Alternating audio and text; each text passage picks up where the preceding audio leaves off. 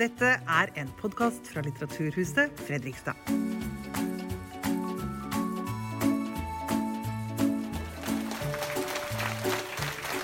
Velkommen til denne podkastepisoden fra Litteraturhuset Fredrikstad. For 98 år siden gikk det første vinter-OL av stabelen i Chamonix i Sveits. Siden den gang har de olympiske lekene gitt oss som nasjon og som folk veldig mange oppturer og nedturer. Og det er vel ikke å ta inn når vi påstår at OL-minnene og opplevelsene også har vært med på å forme det moderne Norge og hvordan vi ser på oss selv. Nå er det bare timer igjen til det 24. vinter-OL skal finne sted, denne gangen i Beijing, Kina. Vi skal nå få høre to som gir farge og liv til små og store historier fra de olympiske vinterleker. Hans Olav Lahlum og Øyvind Tronstad. De er aktuelle med boken 'Historien om vinter-OL 1924 til 2018'. Fra Torleif Haug til Marit Bjørgen. Vel bekomme. Da får Øyvind eh, et Østfold-minutt først. Jeg må få lov til det. God kveld. For meg er det ekstra hyggelig å komme hit til Fredrikstad, så jeg takker for invitasjonen. Jeg har bodd på Fagernes i 50 år. Men jeg er født og oppvokst i Spydeberg i Indre Østfold. Vokste opp på en bondegård der vi hadde ku og gris. Men det hindra ikke at vi kunne reise rundt på sportsarrangementer. Så fra jeg var åtte-ni år, så var faren min og jeg på skøyteløp på Bislett, Holmenkollen hvert år og fotballkamper om sommeren. Det var landskamper. Men det som var toppen av toppers, det var å reise til Fredrikstad og se det gode, gamle Fredrikstad-laget på 50- og 60-tallet. Vi burde ikke slå opp i avisen og sjekke oversikten om hvem som skulle spille. Det visste vi. Og alle snakka samme språket. Det jeg gleder meg til i dag, er bl.a. å fortelle om en link til en profilert norsk vinterolympisk gullmedalje til Fredrikstad fotballklubb. Da har dere fått noe å tenke på. Jeg ble altså utdanna veterinær og flytta til Fagernes da i januar i 1972. Og så kan vi gå på dagens tekst. Ja. Okay. Det er veldig hyggelig å være her. Dette arrangementet her har jo faktisk også en litt spesiell forhistorie. for Det skulle egentlig vært holdt i fjor høst, og da var det mistenkelig få påmeldte. og så ble det jo på et tidspunkt avslørt at man, Vi hadde jo klart intetanende å legge arrangementet til den dagen da Norge spilte mot Nederland i VM-kvalifiseringa i fotball. Og det var ikke helt optimal timing, viste det seg. Det var ikke en del overlappende publikum der, så vi ble da enige om å utsette. Og det er jo veldig hyggelig å være her nå og se en fullsatt sal. og det. Så en liten sånn metodisk kommentar på noe som ble sagt her. fordi For en tid tilbake så hørte jeg det ble sagt at danske barn er de barna i Europa som lærer senest å snakke. Og Det er jo ganske åpenbare årsaker til det. da. Det er ikke så lett å snakke dansk. Men det var en venn av meg som bemerka at det fins en annen alternativ forklaring som man ikke bør avvise uten videre. Og det er at danske barn rett og slett er veldig teite. Eh, og til det som ble sagt her i stad, at det er så godt oppmøte i dag, det er veldig hyggelig, det. Og det kan jo bety at samfunnet er i ferd med å åpne opp. Det kan jo rett og slett bety at Øyvind og jeg er ekstremt populære, tenkte jeg. Men ok, Etter denne muntre introduksjonen så skal jeg da fortelle om opplegget vårt her. Og vi skal nå kjøre dette foredraget etter det vi kan kalle sprintstafettprinsippet. tror jeg vil kalle det. I sprintstafett så er det jo sånn at han der fyren som går den irriterende dårlige etappen, tenker du at nå var vi kvitt han, og så dukker han opp igjen og igjen og ødelegger. Og det er da meg i dag. For vi skal da kjøre litt sånn etter vekslingsprinsippet her. Dette er da den der vekslingspinnen vi bruker. Det er fjernkontrollen. Og jeg skal snakke om 24, så skal Øyvind snakke om 28 og 32. Så skal jeg ta 36 og 48. Og så skal vi veksle oss frem. Og siden det er også noen pandemihensyn å ta, så kjører vi gjennom uten pause. Det er neppe hensiktsmessig å få alle ut og inn her.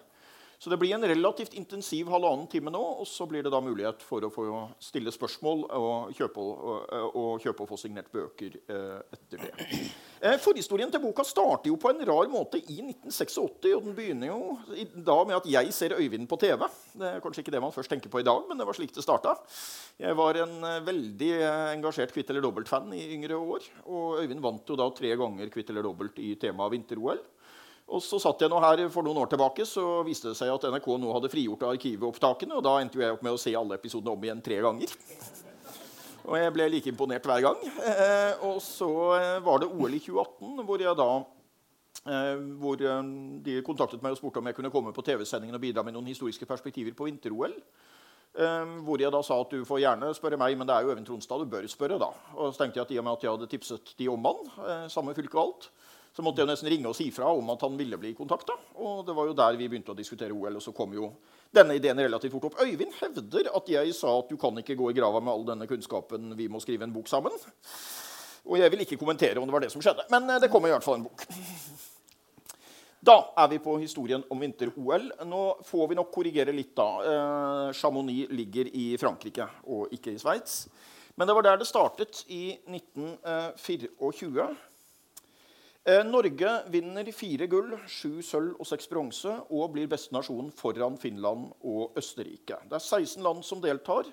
Knapt 300 utøvere, hvorav 13 kvinner. Vi har fintelt litt frem og tilbake, men ender vel på 298. Eh, Finland eh, dominerer med Claes Thunberg på skøyter, og Norge er best på ski. Eh, åpningsseremonien som vi ser glimt fra her, var eh, litt enklere eh, og mindre storslagen enn hva man kanskje er vant til fra nyere tid. Mer uformell, kan vi kanskje eh, positivt sagt si det. Det var en veldig spesiell stemning. Man kommer da til Frankrike seks år etter avslutningen av første verdenskrig. Første verdenskrig hadde 25% av alle franske menn mellom 20 og 30 år hadde mista livet. Og det var en veldig aggressiv stemning fortsatt. Tyskland ble nektet å delta. Og det er en ganske gripende historie om disse østerrikerne. Det var fire østerrikske kunstløpere som alle vant medalje. Som var representantene for Østerrike, som var de eneste tysktalende deltakerne. Og det var et ganske fascinerende intervju med en av dem på eldre dager. Hun sa at vi hadde trent så lenge og vært så målbevisst på at nå skal vi representere denne nye lille ministaten Østerrike.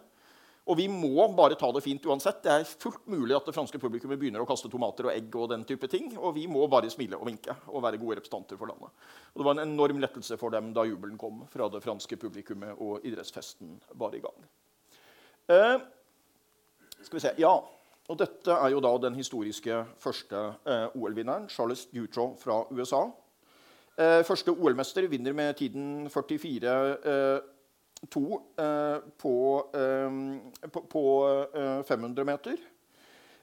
og Det er jo en tankevekkende historie om en utøver som egentlig hadde lagt opp og var overbevist om at han ikke hadde noen sjanse, men gikk med på å representere landet. Han la opp like etterpå, for han skulle satse på en karriere og gjøre andre ting. Det gikk ikke så bra med karrieren og de andre tingene. Og det OL-gullet ble stående som det store høydepunktet. Og det hører også da med til situasjonen eh, historien der at han var den siste gjenlevende OL-vinneren. Den første ble den siste, så å si. Han var den første som vant. Han ble den siste gjenlevende av vinnerne, og han døde på dagen 72 år etter at han vant OL-gullet. En litt merkelig historie fra eh, det første OL-et. Så var det også litt uklart hvem som egentlig vant. Her har vi da curling, også med litt mer improvisert eh, forhold enn da vi kanskje er vant til i moderne tid. Det var en curlingkonkurranse i det første OL. Det var litt uklart om den egentlig telte. Og svaret på om disse for lengst avdøde vinnerne hadde vunnet OL-gull, kom i 2006. Eh, hvor IOC da fastslo at det hadde vært en offisiell curlingkonkurranse. Den utmerker seg også da med at det var virkelig sånn alle skal med. Alle fikk medalje. Det var tre deltakerlag. Eh, alle fikk medalje, og svenskene hadde et godt voksent lag som hadde litt champagnelunsj. Gjerne stilte annet lag etter lunsj enn før lunsj av praktiske årsaker. Eh, men curling kom altså med på OL-programmet fra start. Totalt medregnet de og militært patruljeløp, som først ble godkjent som vinnere i 2006, så var det da eh, totalt 16 eh, medaljeøvelser eh, den gang. Men basisidrettene var der på sett og vis. Du hadde skøyter, Ishockey, kunstløp kombinert, eh, langrenn og hopp. Og bob, som ikke skal undervurdere. Og 16 eh, gullmedaljer fordelt på det. Norge vinner tre OL-gull til Torleif Haug. Den store skikongen, som egentlig har bare det ene OL-et. Og Han blir også da involvert i den merkelige historien om uh, OLs mest forsinkede medaljeutdeling. For han vinner jo da også en medalje i hopp, en bronsemedalje, som han beholder livet ut. Men så finner man jo da ut da, et par generasjoner senere at det ble faktisk gjort en regnefeil. Eh, og han skulle ikke hatt den bronsemedaljen. Og det ender jo da opp med at i Oslo i 1974 så kommer da norsk-amerikaneren eh, Anders Haugen på besøk til Norge og eh, overtar bronsemedaljen han skulle ha hatt i 1924. Han var heldigvis fortsatt i live og fikk eh, oppleve det. Så det var noe improviserte forhold her. Eh, Herma Sabo, den første kvinnelige vinneren her, Eh, var en av de fire østerrikerne, og en ganske spennende historie det også om hvordan idretten kom til å spille en stor rolle i nasjonsbyggingen i Østerrike. Østerrike var den gang en kunstløpsnasjon, men kom jo også senere til å bli en stor vintersportsnasjon på andre ting. Eh, vi skriver jo portrett av én mann og én kvinne fra hvert OL. Kjører likestillingssporet helt ut. Det var ikke så mange kandidater i starten. Men herr Basabo, som vel ikke så mange har hørt om, er jo da en eh, spennende første kvinne ut i portrettserien. Og så ble det selvfølgelig da Torleif Haug på herresiden fra 1924. Og det er mye mer vi kunne snakket om, men jeg tror vi heller veksler over til 1928.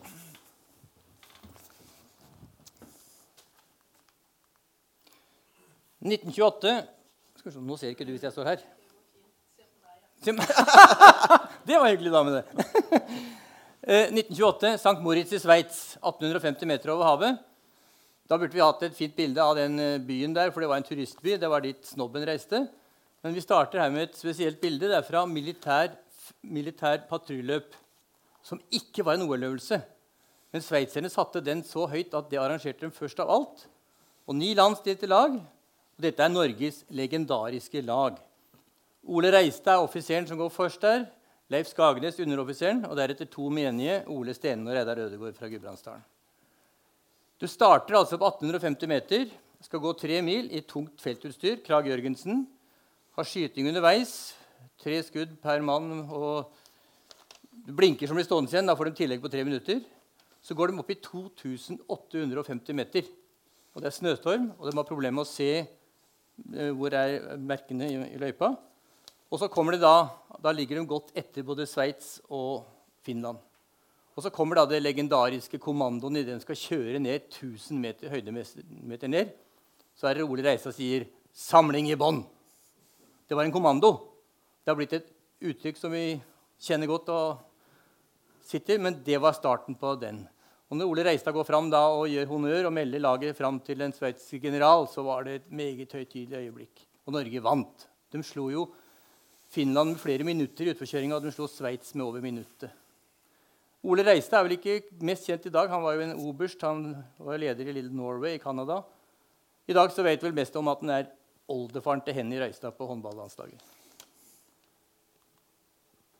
Vi har jo da flytta på disse stjernene. Hvilket år skal vi plassere dem? Dette er jo da Sonja Henie, som selvfølgelig er portrettet i en av disse olympiadene. Dette bildet er fra 1932, men hun var altså ikke fylt 16 år når hun vant gull i 1928. Uh, Sonja Henie er det skrevet og sagt så mye om, så vi tar ikke så altfor mye, mye om den her nå. Men hun var jo da en barnestjerne, altså en ambisiøs pappa. Rik og framfus type. Tok henne ut av skolen som tolvåring, engasjerte de dyreste og fineste trenerne. Hun skulle satses på, og han fikk det til. Hun ble jo den store stjerna. Vinner gull i 28, 32 og 36. Da kommer Hans Olav litt tilbake til hennes oppførsel i 36. Men, eh, og ender jo da senere som filmstjerne og var en av verdens rikeste kvinner i sin tid. Portrettet på herresida er Claes Thunberg, den finske skøyteløperen. Du bare ser på personen her. Her er det guts og, og, energi. En fascinerende type, men en tøff oppvekst. Vokste opp da i Tsar-Russland. Finland hørte til Tsar-Russland. Så opplever han den finske blodige borgerkrigen. Og eh, en periode, Han, han røyka en 50 sigaretter om dagen. Men uh, tok seg inn og ble jo det en fremragende skøyteløper. Uh, ja, han uh, konkurrerte hele tida mot norske forskjellige nordmenn. Så hans bok ga ut til slutt, det var altså 'Alene mot hele Norge'. vi har også en fascinerende historie om han seinere, men dere får lese litt sjøl. Flere I 1928 så var det faktisk bare 14 øvelser. Og det ble avlyst en øvelse på 10 000-meteren. Da var det så dårlig, dårlig forhold at de sakk nedi. Så den ble avlyst, og den ble aldri arrangert igjen. Så det eneste gangen i OL at en øvelse har blitt avlyst. Men av de 13 øvelsene så tok Norge gull i seks av de. Og da var allerede Bivar Ballangerud framme og vinner 5000-meteren. Og Bernt Evensen delt gull på 500-meteren. Og så er vi da hele tida på topp i i, langere, ah, nei, i, i hopp og kombinert. Der har vi stort sett hatt helst tredobbelt gjennom den perioden før krigen. Uh, ja Jeg vet ikke om vi skal ha neste. Der er ikke en til, da. Ja. Kan vente litt med Thunberg. Da er det vel ikke mer jeg bør ta med fra St. Moritz. Vi kommer tilbake til den byen der. veldig spesiell. Da går vi til 1932. Da blir olympiaden lagt til Lake Placid i USA. Det er depresjon i verden, dårlig økonomi både i Norge og i alle andre land. egentlig. Så det var spørsmål skal vi ha råd til å sende, sende lag til Lake Placid. Og da er det norskamerikanerne trår til og sier at hvis dere klarer å sende laget over til New York, så skal vi ta oss av laget her borte med reise, opphold og alt. Og de nordmennene her, det er jo Sonja Henie selvfølgelig i front. Johan Grøttesbråten er flaggbæreren som ikke syns. Men disse kommer fra enkle kår. Til dels meget enkle kår. Og blir da tatt imot av Jørgine Boomer. Hun har da vertinna på Waldorf Astoria hotell, det flotteste hotellet i New York. Utvandra som 15-åring fra, fra Bøverdalen og hadde altså slått seg opp. Og tar imot denne troppen her. Blir innlosjert og får overnatting og full servering. Og de blir tatt med opp på takterrassen der oppe på en av New Yorks høyeste bygninger. Og hva er det Birger Ruud gjør da? Da går han opp på håndstående på gelenderet. Og det fikk journalistene streng beskjed om at det må vi ikke skrive om. Skøyteløperne hadde det problematisk i Lake Placid. De, ja, jeg kan vente ja, de, de måtte gå i sånn fellesstart, og det var de ikke vant til. Det var mye tjuvtriks, så ingen gjorde det godt av de nordiske løperne i hele tatt. Ivar Ballangerud var så opplagt den beste løperen det året. Men pga. alt dette der, så klarte han bare å få en sølvmedalje i, i, eh, på 10 000-meteren. Uka etter så blir det arrangert VM i Lake Placid. Og da er det med vanlig konvensjonell start, og, og sånn, og da vinner Ballangrud de tre lengste distansene. Når jeg går litt ekstra inn på Ballangrud, så er det en som har fascinert oss kanskje mest av alle profilene vi har jobba med. Han mista faren sin som femåring var fattiggutten. Mora streva veldig med å forsørge fem barn. Kunne få seg av og til litt jobb på en nabogård for 50 øre dagen. Da var han sju år. Og når han var åtte år, så var han så stor at han kunne få lov til å være med i skauen og fikk fortsatt 50 øre dagen. Sleit veldig mye med helse, hadde annethvert år som han var veldig plaga, men klarer altså å slå seg fram. Han ble altså gullnålevinner allerede i 1928, men da i 32 så er han den store stjerna. Portrettet vi også har her, det er motstandsmannen og skiløperen Johan Grøttumsbråten. Tre gull i OL, kombinert og 18 km. Og han er en av de legendariske som kanskje var tidligst ute og begynte å skøytetak i innspurt. når det var mulig. En hedersmann som uh, fikk plager etter sin innsats under krigen. Han uh, var, grense, var, veldig, veldig mye som grenselosk, hjalp over og var med i det XU saken, som er så hemmelig at hun fortalte aldri noe etterpå heller. Og jeg vet ikke hvor mange ganger Han passerte grensa, og han var jo i Sverige i en lang periode. Og har etter krigen da fått virkelig plager og problemer pga. sin innsats. Han ville ikke snakke om det. Og uh, vi hørte jo at han, når han var 70 år, så fikk han telegram fra både kongen og sjefen for hæren at de telegrammene hadde han innramma. Men han sa det var så mange under krigen. Men de gjorde bare vår plikt. Så det var en hedersmann. Det kvinnelige portrettet André Jolie. Det er ikke det mest eh, fascinerende kunstnerbildet vi klarte å finne, men det var noe det vi fikk lov til å bruke. Hun vant altså bronse sammen med forloveden sin i 24 og gull i 28. Og så gifter de seg i 29. Første gang to gullmedaljevinnere gifter seg. Så er det altså gullparet da i 1932. En historie her òg. Irving Jaffe, jøde. Russiske foreldre. Fattig gutt. Han vinner gull på 5000 og 10 000-meteren i 1932. Medaljen han sitter med der Han måtte stampe dem hos uh, pantelåneren, begge to. Og etter hvert så går pantelåneren også konkurs, så de medaljene kom aldri til sin rett. Det som da er litt fascinerende å fortelle om, det er når dette laget til Norge som jeg sier, kom fra veldig enkle kår Etter OL er over, så blir de invitert til Det hvite hus. Og det er et uh, legendarisk bilde foran Det hvite hus hvor hele den norske OL-troppen står, unntatt skøyteløperne, for de var jo oppe i VM. Og Da kom president Hoover ut med sin norske elghund og skulle være med på det bildet. Men det var de skøyteløperne. Hvilken kompensasjon skulle de få? Jo, de blir invitert til Representantenes hus på Capitol Hill. Og Der blir de kalt fram én og én til applaus fra forsamlingen. Og det er da vi kan tenke oss fattiggutten fra Hadeland, Ivar Ballangrud, kalles fram på Capitol Hill. World champion Ivar Ballangrud. kunne vi visst hva som gikk gjennom hodet hans da. 1936. Ja, da kan vi også med en gang si Nå er understreker jeg at jeg er litt ironisk her. Vi kan begynne med dette bildet av litt nazihilsener og sånt. Det var jo eh, Både sommer-OL og vinter-OL gikk jo i 1936 i Tyskland. Begge utartet til rene propagandaarrangementer for det sittende nazistiske regimet. Nå er det jo en debatt som stadig vekk går dette her da, om å legge idrettsarrangementer til land med et noe anstrengt forhold til demokrati og menneskerettigheter. og jeg sier jo litt sånn spøkefullt at uh, Folk som er kritiske til det, de har altså ikke tenkt over hvor mye bedre det gikk i Tyskland etter at de fikk arrangere både sommer-OL og vinter-OL i 1936. For etter det var det jo nesten ikke noe bråk der. Uh. og den leksen burde man egentlig ha uh, lært der. dette er altså bildet fra den historiske alpintkonkurransen til kvinnene, hvor to av de tre på seierspallen da gjør en nazihilsen slik det er ønsket. og Sånn er hennes eh, oppførsel der i det som ble hennes siste eh, triumftog i OL. ble jo også et tema vi eh, skriver litt om. Norge gjør det kjempebra i Garmisch-Partenkirken. Tar syv gull, fem gull syv gull, fem sølv og tre bronse og blir beste nasjon klart foran vertslandet Tyskland. Men det er veldig sterke eh, nazipropagandaovertoner over hele arrangementet. Samtidig som det er den klart største folkefesten, det best arrangerte OL osv. man har hatt det da. Så det er veldig blandede følelser også i ettertid på det OL-et eh, det gikk. Det var der det begynte å ta av med autografjegerne. Birger Ruud måtte evakueres i Svarte-Maria for, å komme unna, eh, for å komme unna autografjegerne. Eh, til gjengjeld måtte han da skrive autografer til halve politistyrken, som eskorterte han ut. Så det var en tid med et stort publikumshysteri. Og Norge har da gull til Olbjørn Hagen i kombinert. Sonja Hennie, som nevnt. Birger Ruud igjen, da.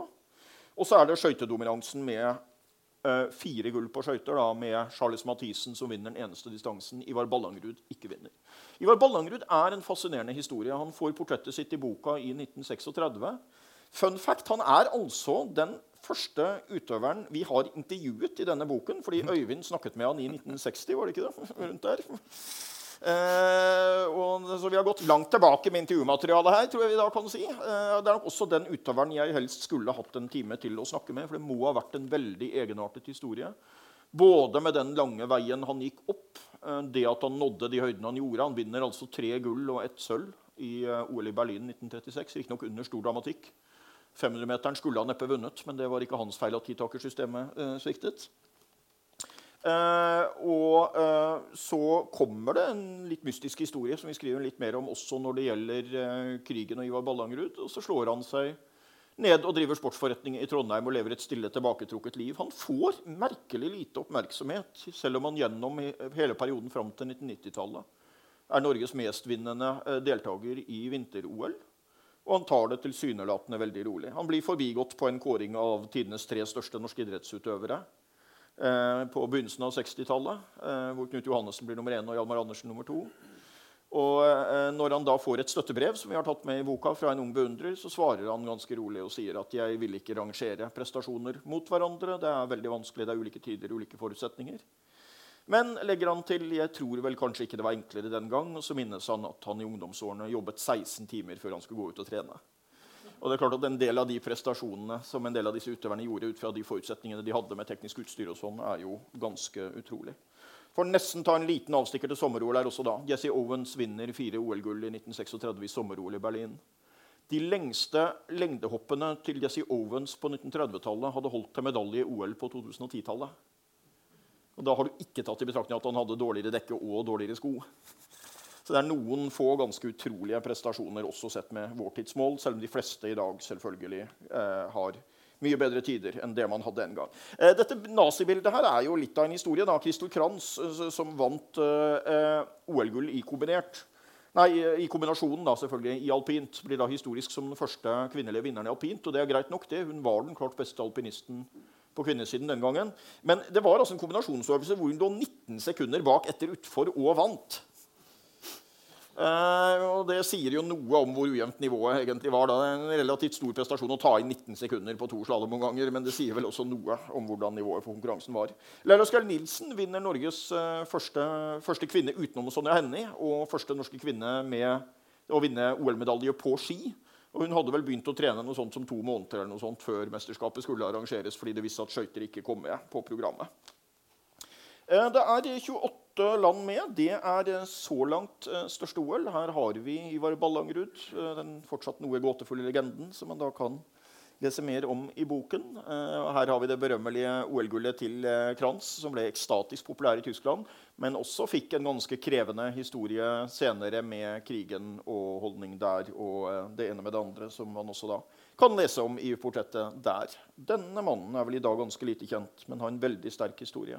Dette er mannen man snakket om at var den nye skøyteprinsen og kanskje Ivar Ballangruds arvtaker under OL i 1936. Navnet er Birger Vasenius. Han er fra Finland. Uh, vinner uh, sølv bak Ballangrud i OL i 1936 og blir sagt å være det store håpet til 1940. Det blir ikke noe OL i 1940 pga. krigen. Og når OL skulle vært holdt i 1940, er Birger Vasenius død. Han dør uh, 2.1.1940 i militære trefninger mot Sovjet under vinterkrigen. Og det var jo da en av de mange store idrettsutøverne som også mistet livet i forbindelse med krigen.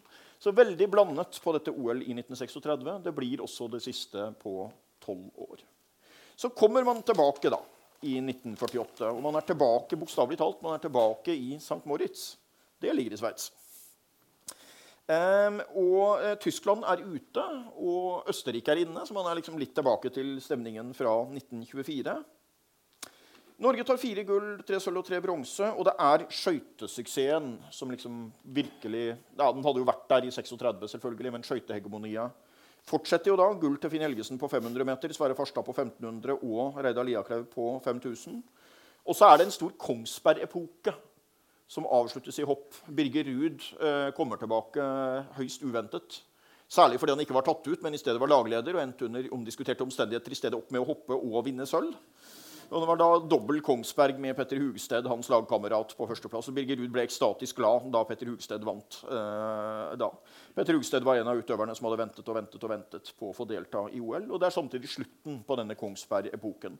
Kongsberg hadde vært en av de sterkeste vintersportsnasjonene i de siste tre OL-ene men forsvant veldig fort ut etter OL i 48. Og Det er da et portrett av Birger Ruud, naturlig nok. i den sammenheng. Spørsmålet var ikke om vi skulle ha et portrett av Birger Ruud, men hvor vi skulle ha det. Og vi endte da opp med at den sølvmedaljen 1948, tolv år etter gullet i 36, var en så spesiell prestasjon at det måtte havne eh, der.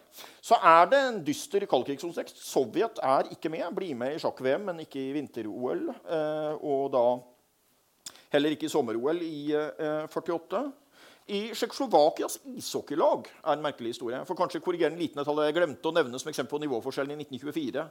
At da vant altså Canada VM-gull med målforskjellen 132-3.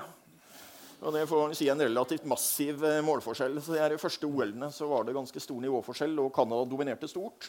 I 1948 så er det en veldig spesiell situasjon med Tsjekkoslovakia, hvor eh, eh OL-laget deres vinner sølvmedalje i ishockey mens eh, kuppet i Praha pågår hjemme i Tsjekkoslovakia. Og det blir en veldig dramatisk historie videre. Fem av utøverne på laget til Tsjekkoslovakia omkommer i en flyulykke senere på året. Én hopper av. De andre blir stort sett arrestert fordi de er mistenkt for å ville hoppe av. Og man kommer jo med et helt annet lag tilbake i 1952. En veldig eh, dramatisk eksempel på hvordan den kalde krigen kastet lange skygger inn i politikken. Ja, dama med flettene, ja. Uh, Gretchen Fraser uh, fra USA første individuelle eh, kvinnelige OL-vinner fra, eh, fra, USA. Vinner da i alpint, hadde norske aner og ble også en stor favoritt her. Og Det er jo en merkelig historie. da. Jeg får nesten ta en liten sommer-OL-greie igjen. da. Det er mange mange utøvere på begge sider av Atlanteren som har ventet og ventet og ventet og ventet på å få delta i OL i 1948. Det er tolv år siden forrige OL. Eh, Gretchen Fraser hadde den store gaven at hun var så rik at hun kunne vente og vente og vente. Og vente. Eh, og hun trengte heller ikke å prøve å tjene penger på idretten. som en del andre utøvere måtte. Hun deltok i noen sånne skifilmer, og da stilte hun et ufravikelig krav om ikke å få noe slags honorar. Fordi Hvis hun hadde fått honorar, så ville hun ha brutt amatørbestemmelsen og ikke kunne delta i OL. Så man har virkelig ventet og ventet og ventet der. Alice Coachman er en rørende historie. Eh, hun vinner, blir første afroamerikanske kvinne som vinner OL-gull i 1948. Har også ventet i en evighet. Kommer fra sørstaten i USA. Når Alice Coachman kommer reisende hjem, eh, så blir hun først rørt til tårer av glede når hun oppdager at denne lille boligen hennes er helt overfylt av et blomsterhav. Og så begynner hun å gråte av sorg når hun oppdager at ingen har skrevet på avsender. Eh, de, de, svarte hadde ikke råd til å sende blomster. De hvite sendte blomster, men ville ikke vedkjenne seg at de hadde sendt blomster til en svart kvinne. Det ble arrangert en kommunal mottakelse for henne. Ordføreren møtte opp, men nektet å ta henne i hånda. Det er sørstaten i USA nå 1948. Gretchen Fraser var hvit, bodde i Sun Valley og hadde en helt annen eh, heltemottakelse da hun kom hjem. Men deltar bare i det ene OL-et. Hadde jo ventet veldig lenge på det. Men ble den egentlig første amerikanske skidronningen og fikk stor betydning for skisportens videre popularitet der.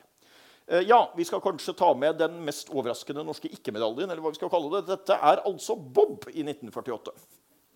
Og fire totalt ukjente norske bobutøvere i en hjemmelaga bob for øvrig.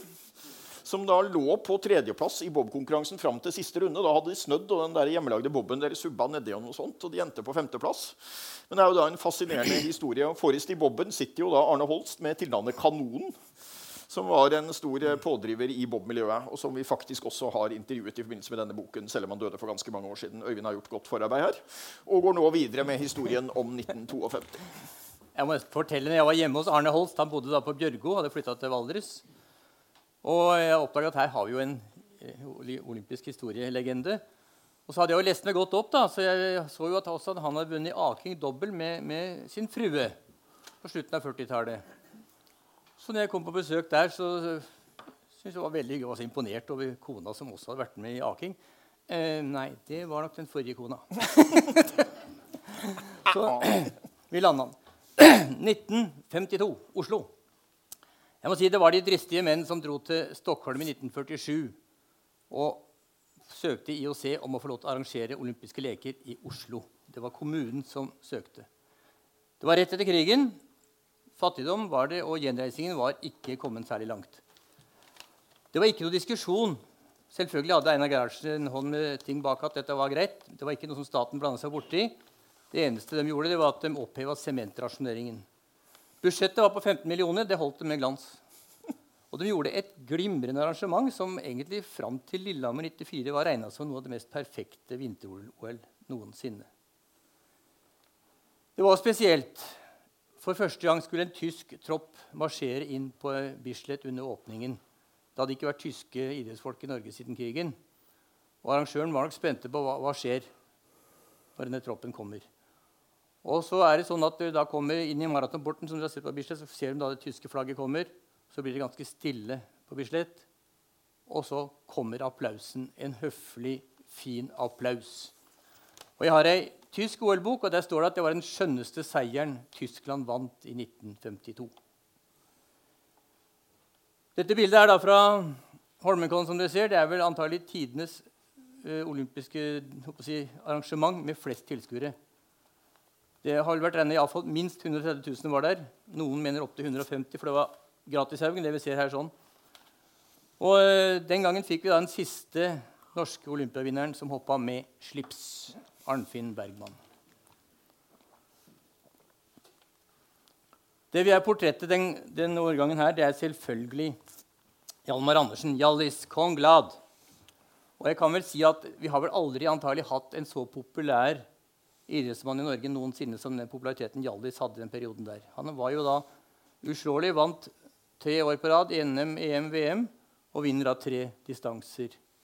Det hører jo med til historien at Sovjetunionen hadde ennå ikke kommet med. Og Stalin ville ikke sende utøvere til, til Oslo hvis de ikke kunne konkurrere med Andersen. Det hadde han hatt beskjed om. Fascinerende historie med Hjallis, men han er jo ikke akkurat direkte ukjent. Andromed Lawrence er eh, portrettet, det kvinneportrettet. Var utrolig populær, sjarmerte alle og enhver. Så det var nok veldig gjevt for disse to guttene som da fikk autografen til sjølveste alpindronninga. Vinner gull i slalåm med fall. I dag er det helt utenkelig. Og storslalåm helt suveren seier. Ble en naturverner i sine eldre dager og døde vel egentlig ganske så fattig. Men en helt spesiell stjerne. Bud Greenspan, som eh, er en sånn legende i OL-litteratur og ikke minst i OL-filmer, han rangerer hun høyest av alle olympiadeltakere. Det er vi kanskje ikke akkurat enige med, men eh, sånn er det. Det var mye spesielt med resultatet etter krigen i 52.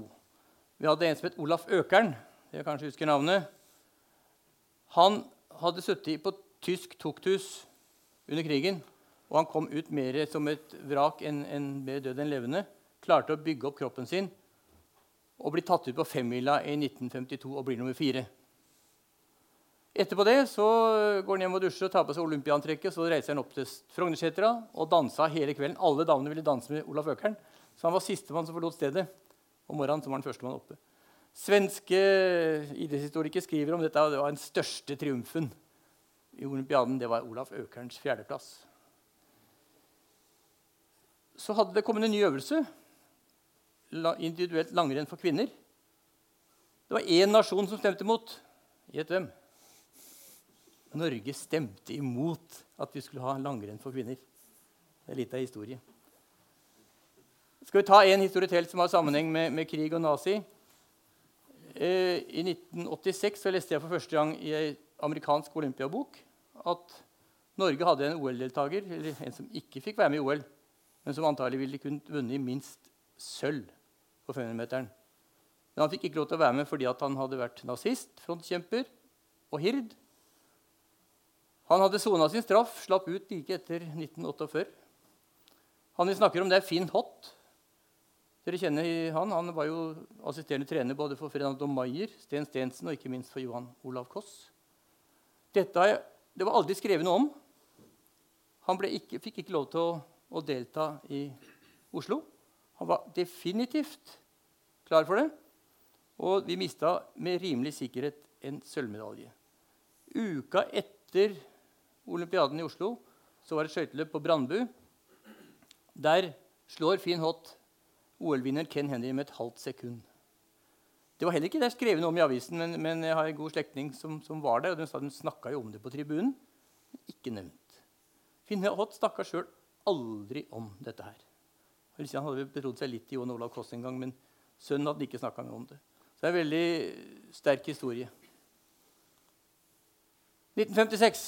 Da kommer olympiaden til Cortina, Italia. Dit skal vi om fire år, så der blir det bra. Dette var en hyggelig og fin olympiade. Før vi begynner med olympiaden der, så har jeg lyst til å gå litt tilbake i tid. 1942. Vi er fortsatt i krigens periode. 20 mil sørøst for Moskva er det to elleveåringer på skøyter ute på isen ved siden av en landsby. Så går flyalarmen. Og guttene spurter mot, mot, land for å komme seg ut av isen. Men uh, små bein og dårlige skøyter, så de klarte ikke å komme seg unna. Og den tyske piloten ser selvfølgelig at her er det skikkelig et krigsobjekt. Så han går ned og slipper ei bombe mot disse to guttene. Etter at flyet har dratt videre, så kommer landsbyfolkene ut der, og da finner de de to gutta ligger oppå hverandre. Den øverste er død. Han som ligger under, har fått tolv granatsplinter i seg, blir tatt inn på sykehuset. De fjerner granatsplintene uten bedøvelse. Han overlever, det ser ut som i ettertid at han ikke fikk problemer verken fysisk eller psykisk. Det er Evgenij Grishin jeg snakker om. Og nå sitter alle som er vel voksne, og nikker. Det er vel kanskje den flotteste skøytesprinteren gjennom tidene. Vinner gull på 500-meteren på verdensrekord 4,2. Ny verdensrekord også på 1500 meter. Og gjør det samme i 1960, hvor han da får nok en gang gull på 500 og deler gullet med Roald Aas på 1500. En legende. Portrettet på kvinnesida er Ljubov-Kosireva. Første kvinnen som da vinner individuelt gull i langrenn. Spretten, sprek dame. 1,52 høy. Det var spreke steg. Hun vokste opp i nærheten av Leningrad. Og i 44, Hun bodde like utenom den blokaden der. Så i 44 så var det hun som gikk og, på ski inn til, til befolkningen og sa at nå har tyskerne reist. Nå er blokaden hevet. Fascinerende historie om hun òg. Men jeg må fortelle litt. Nå er vi min barndom og ungdom, Jeg hadde jo to barndom- og ungdomsfavoritter. Det var Hallgeir Brenden på ski og det var Knut Johannessen på skøyter. Hallgeir er vi her. Det var jo, Vi har ikke hatt flottere kar i Botbakkene før Johannes Østfold Klebo kom. Spretten, spenstig, sprek. Fantastisk idrettsmann. Og han ble jo etter hvert ganske så lei av å prate stadig om at han hadde Sofia Lauren på, på fanget. Og når Sofia Lauren fylte 60 år, så ringer Se og Hør til henne og vil intervjue henne om dette her og skal skrive litt om denne historien. Så sier journalisten ja, si meg, Hallgeir, hvordan var denne Sofia Loren? Det var akkurat som en kveks, sa Hallgeir. Og journalisten i Oslo var ikke så veldig god i Trysil-språket. Hva, hva mener de? Ja, akkurat som en veps. Grann på midten og bula ut i begge enda. Hallgeir Brenden vant jo da også gull i 52. Og så hoppa jeg elegant over Stein Eriksen og Simon Slottvik, som også hadde gull i 52. Vi hadde profilerte utøvere i den olympiaden. Så den olympiaden 52 kunne vi snakke om i evigheter. Stjerna i 56, Tony Seiler fra Kitzbühel, 20 år gammel, vinner alle tre alpine øvelser. Og han vinner ikke bare, han vinner suverent. Aldri har det vært noe i nærheten. Alpinister den tida der holdt ikke på lenge. De gikk fort over til, til proffkjøring. Eller til andre. Han gikk over som filmstjerne. Han var med i 58 i VM og vant de samme medaljene. Men ble etter hvert filmstjerne, og han var nok en bedre alpinist enn filmstjerne, men uh, gjorde gode penger. Nå er det egentlig turen av Hans Olav, men jeg har vært i Skå så får jeg lov til å snakke om Skå. Dette er da åpningsseremonien hvor da omtalte Ken Henry tenner ilden. Og den som kom med flammen ned fjellsida der, det var Andrea Med Lawrence. Siden da hadde hun fått fem barn, men like sprek. Det var helt spesielt, dette med Skaw Valley. Det er den flotteste olympiaden det har vært når det gjelder kompakte leker. Det er en trang dal. En spekulant og en advokat hadde kjøpt den opp og klarte å narre både OL-komiteen og IOC til å la dem få olympiaden. Det var ikke et eneste anlegg der. Men plutselig så fikk de til på slutten. Og når du sto der på kunststøtbanen, som hadde en åpen vegg, og ishockeybanen, så så du kanskje rett over mot unnarenn i hoppbakken. Tok du blikket litt til venstre, så så du skøytebanen, der Knut Johannessen gjorde den legendariske. Heva du blikket opp til høyre, så hadde du alpinanlegget. Og like bak lå hele olympialandsbyen. Alle deltakerne bodde sammen, spiste sammen, mingla, uavhengig av nasjon og øvelser. Det var kun skiskyting og langrenn som var oppe i høyden. Langrenn husker vi alle. Håkon Brusveen, den historien har alle hørt. hvor kong Olav gjerne så at Brusveen deltok. Han la seg borti uttaket. Roald Aas nevnte jeg. Delt gullmedalje med, med Gishin. Kvinnen som da er som portrett, det er Lydia Skoblikova. Vinner to gull i 60 og fire gull i 64. Hun tok etter hvert en akademisk utdannelse og skrev en doktorgrad som er om ideologi og moral hos sovjetiske idrettsutøvere. Den skulle vi gjerne hatt oversatt. av Atle Grønn kan jo russisk. så han har en oppgave der, altså, for Den skulle vært moro å lest. Men så kommer da min favoritt. og Jeg har hatt gleden av å være hjemme hos Knut Johannessen og intervjue ham i forbindelse med denne boka her. Å sitte hjemme i den premiefylte stua hans og høre han fortelle fra sin karriere på hans lune måte, det var en opplevelse. Min kone Odny hadde jo bakt kake da, med 1546-6 på. Nei, det var eh, ja, en opplevelse. Dette bildet er for øvrig fra 1964, for vi kunne ikke bruke det samme bildet alltid. Men han, han ble jo en, med 1546-6, altså Han knuser jo verdensrekorden. Men det som kanskje folk ikke var helt obs på, det var at Viktor Kositsjkin var ikke så lenge bak. Altså. Han gikk på 15.49,2. For de snakka om at Loftmann sa at den rekorden ville stå i 30 eller kanskje i 50 år. Han sto i tre år. Da kom Jonny Nilsson. Snufs. Da har vi vel eh, Jo, jeg må, jeg må nevne én ting til fra Skå Valley. Noe av det flotteste ski bildet jeg vet om, det er hoppet til Helmut Recknagel. Dere finner det på YouTube. Han, han står oppe i overrennet. Det er ikke noe tribune. det er oppbygg. Børster snøen av skia, hopper utfor og strekker fram arma fram den gangen. Og skiene ligger som en planke. Og perfekt nedslag.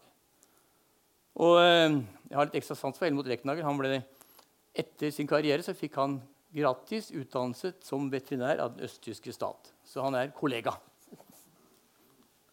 Men da skal du få lov til å ta ja, et av de Ja, fikk Øyvind tre på rad nå. og Da blir det litt mye av meg i fortsettelsen her. Men er dette sprintstafettprinsippet, da?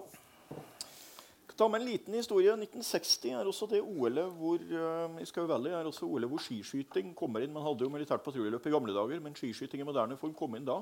Og Det var en merkelig historie, for det var jo veldig oppheta valgkamp fra amerikanernes side for å få dette arrangementet til Skau Valley. Og på denne høringa var det en IOC-delegat som rakte hånda opp og spurte vil man innføre skiskyting hvis dere får OL. Og han ante ikke hva skiskyting var. Men han ville gjerne ha stemmer, så han svarte at det skal vi selvsagt innføre skiskyting hvis vi bare får OL til Skø Og sånn kom OL inn på, på OL-programmet.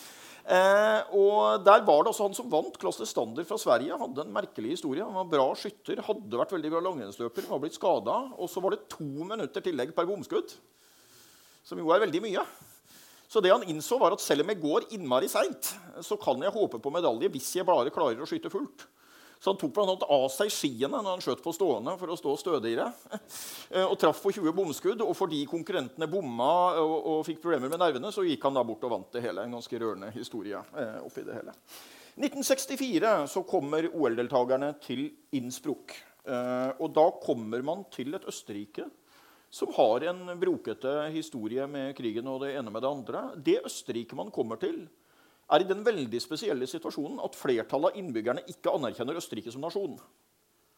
Flertallet av østerrikerne anno 1964 ønsket ikke at Østerrike skulle være en selvstendig nasjon. De ønsket å være del av et større Tyskland eller eventuelt del av et Østerrike-Ungarn etter den gamle eh, modellen. Men nasjonsbyggingen eh, blir påskyndet i Østerrike av dette med vintersport, hvor Østerrike hevder seg veldig godt, og hvor de også har to vinter-OL med bare tolv års eh, mellomrom. Og det er litt tankevekkende. Norge har 15 gullmedaljevinnere, riktignok bare tre gullvinnere i 1964, og alle er menn.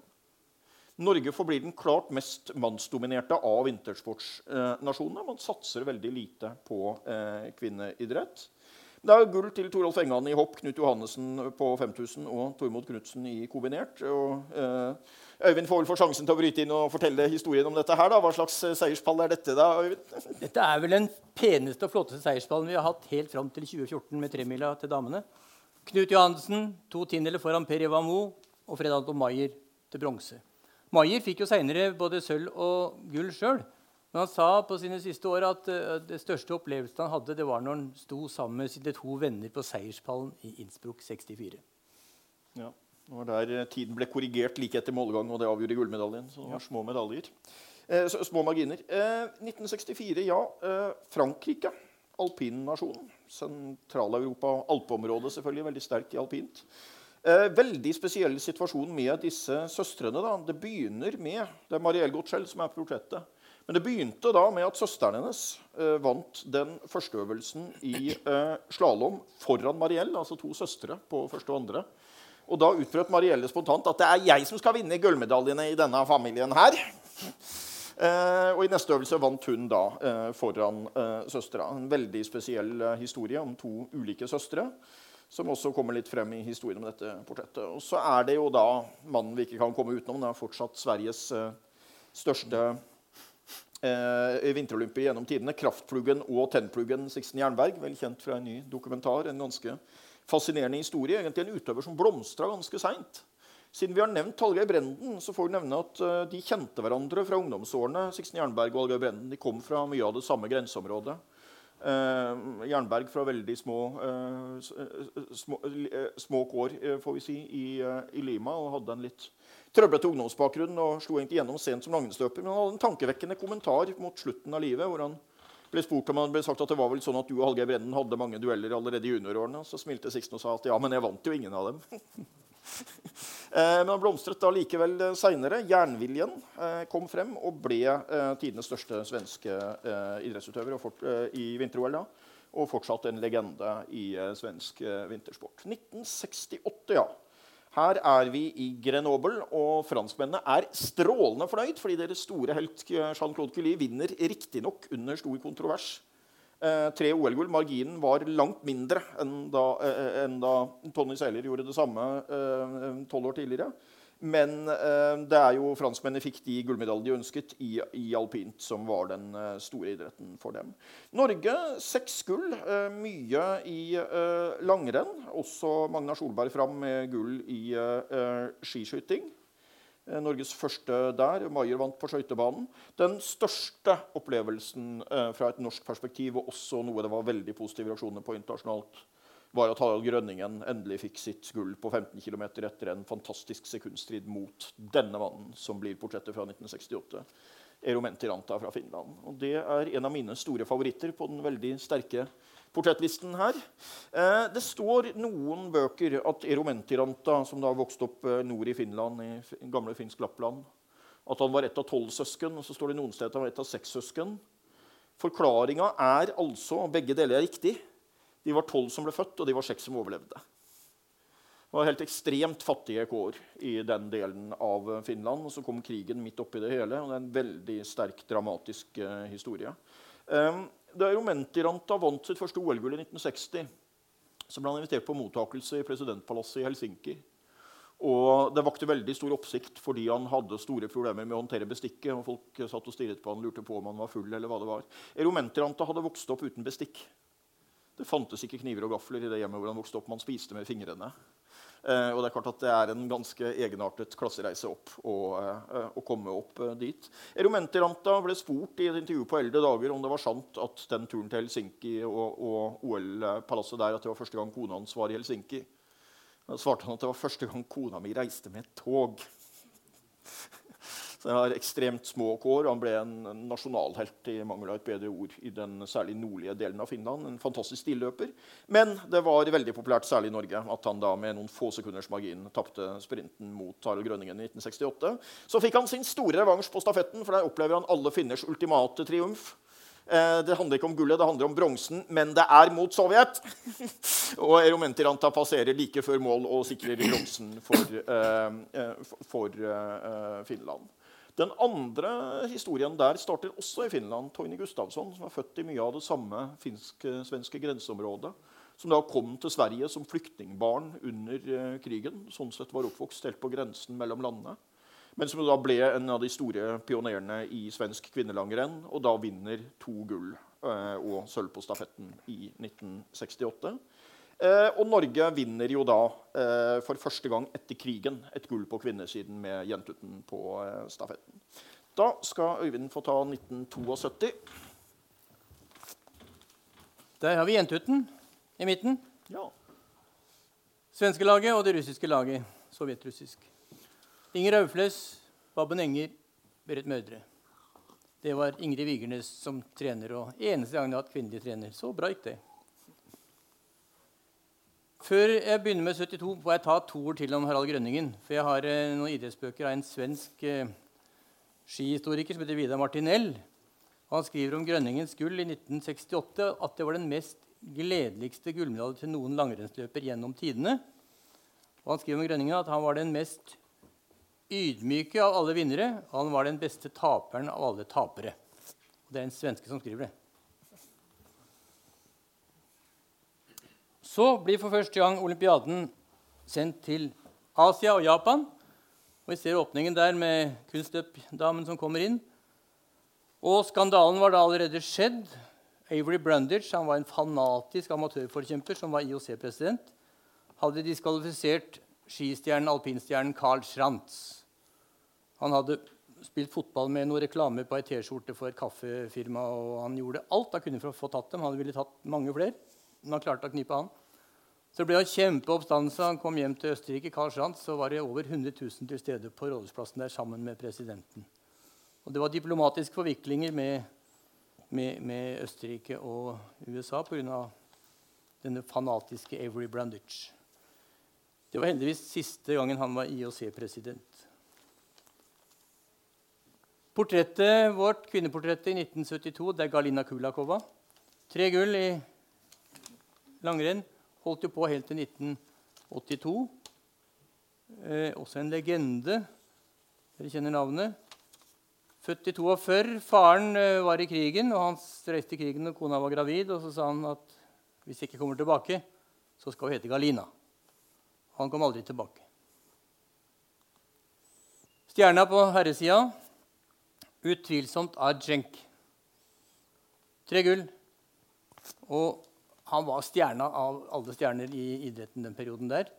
Der har vi et fint portrett, og han har vært veldig positiv til intervjuet og engasjert seg veldig i at det var riktig alt vi skrev. Og en topp, topp idrettsmann. Jeg må ha med litt om Magnar Solberg. Han, Hans Olav nevnte at han, han vant gull i 68. 20 treff. Det var veldig kontrovers om han skulle få lov til å delta. Han var egentlig ikke tatt ut. Men de andre på laget satte foten ned og sa at Magnar Solberg skal få delta. Så går han fram og vinner gull. Fire år seinere er det fortsatt og en ny diskusjon hvorvidt Magnar Solberg er god nok til å delta. Heldigvis så ga de seg ganske kjapt, og han stilte opp. Får da to bom, men vinner igjen. Så vinner skiskyting to ganger på rad. Det er en meget sterk historie. Jeg nevnte Bud Greenspan i stad. Han er amerikaneren som er så opptatt av særlig filmer. Han ga ut en bok i 1995 om de 100 største olympiske deltakerne både vinter-OL vinter og sommer-OL. Det er fire nordmenn i boka. Det er Sonja Hennie, selvfølgelig. Det er Birger Ruud, Johan Olav Koss og Magna Solberg. Han var så fascinert over personen Magna Solberg Og han hadde lest at når Martin Stokken, som var treneren hans, at han kommanderte han til å ligge i maurtua og skyte for å øve seg på å ikke la seg distrahere av, av mauren som stakk.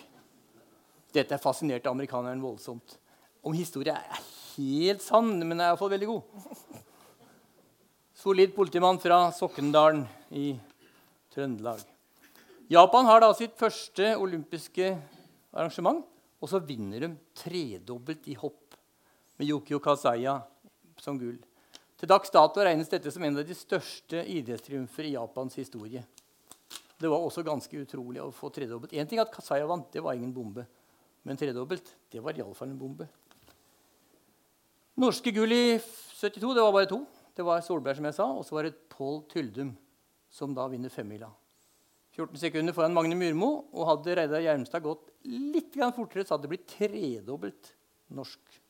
Men da var Vatsislav Vedenjin som tok bronsen.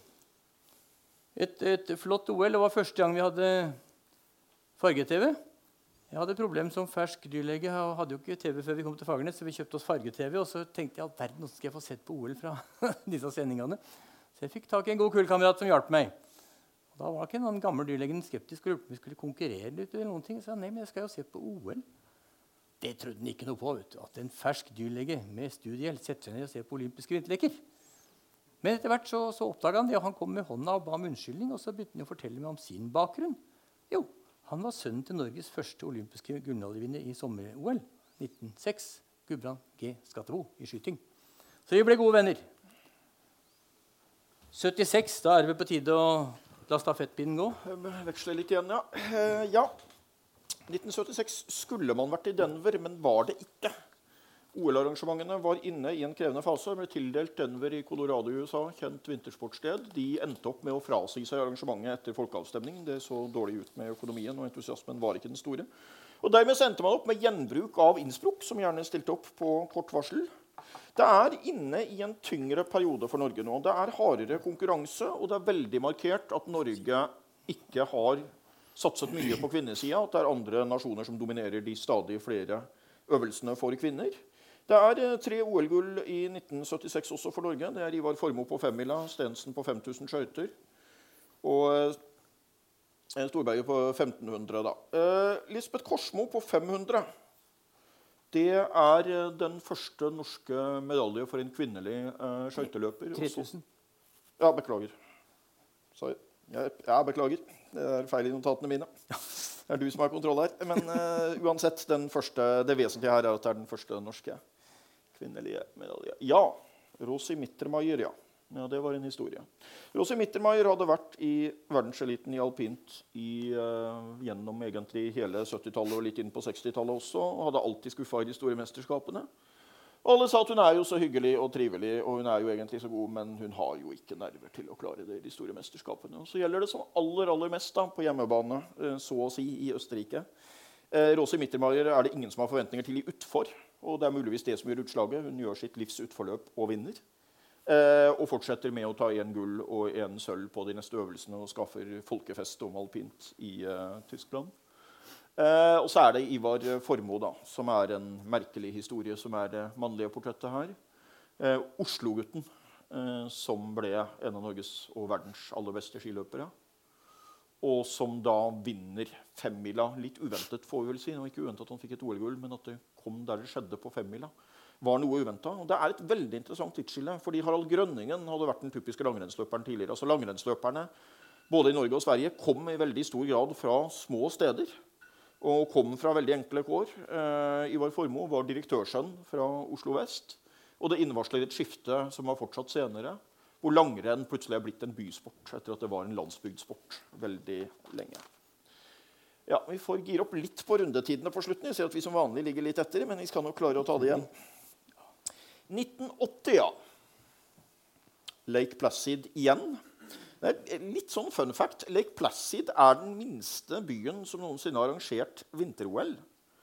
Og det var ikke da de arrangerte det første gang i 1932, men derimot da de arrangerte det andre gang i 1980 fordi folketallet hadde gått ned i mellomtida. Eh, og det var nok også en konklusjon at Lake Placid var for lite. Det var veldig store problemer med transport og ulike typer logistikk, og utenlandske deltakere ble innkvartert i et fengsel og det ene med det andre. Eh, men det er jo da, det var på 3000. Et eh, stort skifte med norske Bjørg Eva Jensen, som vinner eh, skal vi se, Hadde vi ikke bilde av Bjørg Eva her? Jo da, der har vi henne. Bjørg Eva Jensen fra Larvik vinner 3000. Og det er da eh, det første individuelle gullet for en norsk kvinne i etterkrigstiden. Og på skøytesiden har det skjedd en revolusjon over mot likestilling. Så er det en trist historie med Bjørg Eva Jensen. Eh, tankevekkende memoarer for noen år siden om en utøver som var et fysisk fenomen, gjorde noen resultater på sykkel da hun var midt i 40-åra som var helt spinnville. Eh, men en utøver som da får en relativt kort karriere på toppen, så å si starter med et gull, men som da mister motivasjonen i møte med dopingspøkelset i ganske stor grad fra 70-80-årene, hvor hun ser at hun konkurrerer mot østeuropeiske utøvere, eh, særlig da østtyskere, som åpenbart har helt andre forutsetninger på, på, på hva de spiser til frokost. Og Dopingspøkelset preger i det hele tatt denne perioden. OL er blitt profesjonalisert. Man har fått et sterkere støtteapparat. Den negative siden er jo da systematisert juks i eh, flere land. Mye øst, men også noe vest for eh, jernteppet. Eh, 1980 er jo da den historisk unike situasjonen at alle de norske gullvinnerne var kvinner. Eh, men vi ser dem da på bildet. Eh, det var ett gull, og det var Bjørg Eva Jensen. Eh, portrettene umulig å komme utenom Uh, umulig å komme utenom uh, skøytesportens svar på Magnus Carlsen. Uh, god på alle distanser. Det store talentet, om du vil. Det store skøytegeniet. Som da vinner fem gull på fem starter. Og så er det en spesielt Vi hadde en diskusjoner der om det kvinnelige portrettet. Men vi endte da opp med Irina Rodnina, som vinner sitt tredje gull i kunstløp sammen med Sonja Hennie, den som på det tidspunkt har vunnet tre gullmedaljer i kunstløp. Hun vinner dem i parløp. Hun vinner dem med to ulike partnere. Og det er både sjalusidrama og betydelig dramatikk. Vi prøvde å få tak i henne. Hun er fortsatt aktiv, men på andre arenaer. Og det er en tankevekkende greie å se at en del av de gamle sovjetiske russiske idrettsheltene har nå endt opp i president Putins parti. Og ganske mange av de sitter i nasjonalforsamlingen i Dumaen, og det gjelder også Rodina, som har blitt en langt mer kontroversiell politisk aktør på eldre dager. Vi prøvde å få kontakt med henne og få kommentarer rundt både idretten og politikken, men fikk ikke svar. Men har nå skrevet et portrett om henne likevel. Da skal vi gå videre utover 80-tallet og komme til 1984. Ja, vi, ja, vi får ta med han, da. Vi har ikke glemt Ingvar Stenmark. Ja. Men eh, ta, ta, med, ta, med, Ingvar, du. To gull. Han er jo den store stjerna i Sverige. og det var sagt at når Ingvar kjørte, så sto Sverige stille. Skoleklassene fikk fri, fikk se på alpint. Han vant 86 verdenscuprenn. Kjørte aldri utfor. Så det er jo i, nei, gull i, i slalåm og storslalåm. En taus, beskjeden fyr. Og amerikanere skjønte ikke hva i all verden, hvordan han kunne være en sånn stor stjerne som bare sa ja og nei. 1984. Sarajevo, Jugoslavia. Jugoslavia hadde ingen skihistorie, ingen idretts- og vinterhistorie, men ble tildelt arrangementet. Og etter at president Tito døde i 1980, så begynte jo da det å ulme i disse autonome enhetene. Hun skulle rullere på ledelsen. Så vi, utenverden skjønte vel ikke egentlig kanskje hva som var i ferd med å skje i Jugoslavia. Men det var en voldsom entusiasme hos folk for dette arrangementet. her. Og eh, det sies jo at det bidro til å holde Jugoslavia sammen lenger enn det ellers ville gjort. Det starter ikke med noen bilder fra åpningsseremonien, men starter med bilde av Jane Torville, Christopher Dean. Isdans, en helt legendarisk sak. De, de fikk jo 6,0 og 6,0 på omtrent alt. Og alle husker liksom, de som stadig blir kjørt som reprise. Det er jo dømmes dans til Ravels Bolero. I England har det knapt vært høyere TV-rating enn den gangen det programmet gikk med isdans fra Sarajevo. Portrettet er naturlig nok Maria-Lisa Hemmeleinen, senere gift Kirvisnemi. Tre gull og en bronse. Lang karriere, og som fikk eh, hun har aldri vært mistenkt for doping, men i og med at hun ble gift med Harry Kirvisniemi, så ble hun på en måte litt med i dragsuget der. Og når en journalist ringte til henne en god del år etterpå, så hun, begynte hun bare å gråte og sa at det er bare trist. Da hadde Harvey Kirvisniemi til og med fått en straff for at han hadde løyet i retten. Og den ble da til slutt skilt. Men tyder på at Maria Lisa Kirvisniemi var en eh, ren og sterk utøver. Så plasserte vi der eh, Thomas Vassberg, selvfølgelig i konkurranse med Gunde Svan. Fire gull av dem begge to. Men det er mer personlighet, og vi har mer moro å skrive om Thomas Vassberg. Det er ganske mange uttrykket, han. Han, eh, han var jo en litt robust type og hadde ikke særlig sans for sånn all verdens idrettsforsking. Han sa 'Hvem faen er det som tar pulsen på et oppløp?' Og liksom, Det var typisk kommentar når alle oia seg om den saken med Therese Johaug og brudd på dopingbestemmelser. for det Og han sa 'Hvilket jækla styr for en liten grei'. Så er det nesten østfolding. Det er jeg klar over. Kommer fra Lennart Fors. Det er så vidt du kommer over mellom grensa og, og uh, Tøksfors. Ja, For første gang fikk vi en vestlending som fikk gullmedalje. Erik, Kval, Erik Kvalfoss i skiskyting. Så vinner Tom Sandberg kombinert. Det er stadig nord, altså folk fra Nord-Norge som vinner kombinert i perioden. Altså Vi hadde Slåttvik fra Mo i Rana i, i 52. Vi hadde Sverre Stenersen i 56 fra Målsøl. Og så kommer Tom Sandberg fra, fra Mo. Stafettene så er det jentene som vinner gull. Det er altså da med Inger Lene Nybråten på første etappe, Anne Jarn, Britt Pettersen og, og Berit Aunli. Og Det var iallfall en fordel med å være kjent som en sportsinteressert dyrlege at det var ingen som ringte til dyrlegen når Inger Helene går stafett. Ja, jeg vet ikke, 84, det, det var jo veldig spesielt og vær og alt, men, men, i ettertid så er det blitt stående som et flott arrangement. Så var det jo tragisk, det som da skjedde seinere. Det ble jo borgerkrig fra 1992 til 1995. Så den mest triste gjenbruk av idrettsarenaer det har vi jo i i Sarajevo. Både i bobbanen og i alpinanleggene var det artilleriposisjoner som skøyt ned mot, mot, byen. I den perioden så døde 10 000 mennesker i Sarajevo, hvorav 1500 barn. Calgary 1988. Der var jeg, og det er jo da min straff å snakke om det. Ingen gull til Norge. Eneste gangen. Det kommer aldri til å skje igjen. Det var et flott arrangement. Men det var ute på en forblåst prerie, kaldt være bortpå der i perioder. Og en hoppbakke med kraftige vindkuler, men det var ingenting som beit seg på den mannen der. Det var ikke tvil om hvilket portrett. Tre gull av tre mulige. Helt suveren skihopper. Men hans livsførsel sto til noen pluss og noen minus, forresten. Ja. Helt tragisk. Men de sa om han at han hadde det finnene kaller et dårligt ølsinne. Det vil si at han tålte ikke bare et glass øl, så ble han tullingen. altså. Så det er et trist eh, portrett. Er det Hans Olav som har skrevet mye der. Men, men eh, skihopper, der var det ingen som kunne slå ham. Katarina Witt det var en spesiell historie. Hun vant jo da kunstløp i 1984 og vinner i 1988 på ny igjen. Det er den store stjerna i Øst-Tyskland. Og Østtyskerne var veldig til å satse på idretten. Det hadde vi jo merka med, med, med, doping. Og vi hadde merka det f.eks. ta skøyteløp i, i, i 84. Så var det jo østtyskerne som vant alle distansene. Og de var veldig redde for at hun skulle hoppe av til Vesten. Så hun ble overvåka, og hun fikk alle privilegier. Hun ble tatt i fartskontroll en gang, og da fikk hun ikke bare rent sertifikat, men hun fikk da en ny og fin bil. Eh, etter eh, muren falt, så går de inn i Stasi-arkivet. Da finner de 3000 sider om henne. Og det var ikke bare telefonovervåkning, det var romavlytting. De hadde jo vært skeptiske og hadde fått seg en kjæreste som var musiker. Det passa jo ikke regimet, så han ble sendt på militærtjeneste langt til. Så det forholdet gikk jo gærent. Men det var nok ei frisk jente. Men, men, eh, det er en sånn kort notis der. altså Overvåkning klokken 20 prikk, prikk 00. Seksuell aktivitet innledet klokken 20 prikk, prikk 07 seksuell aktivitet avsluttet. Og kommenterte ganske enkelt at ja, ja, så var jeg rask den gangen. Så ble hun da profesjonell etterpå at muren falt, og bodde halve året i USA.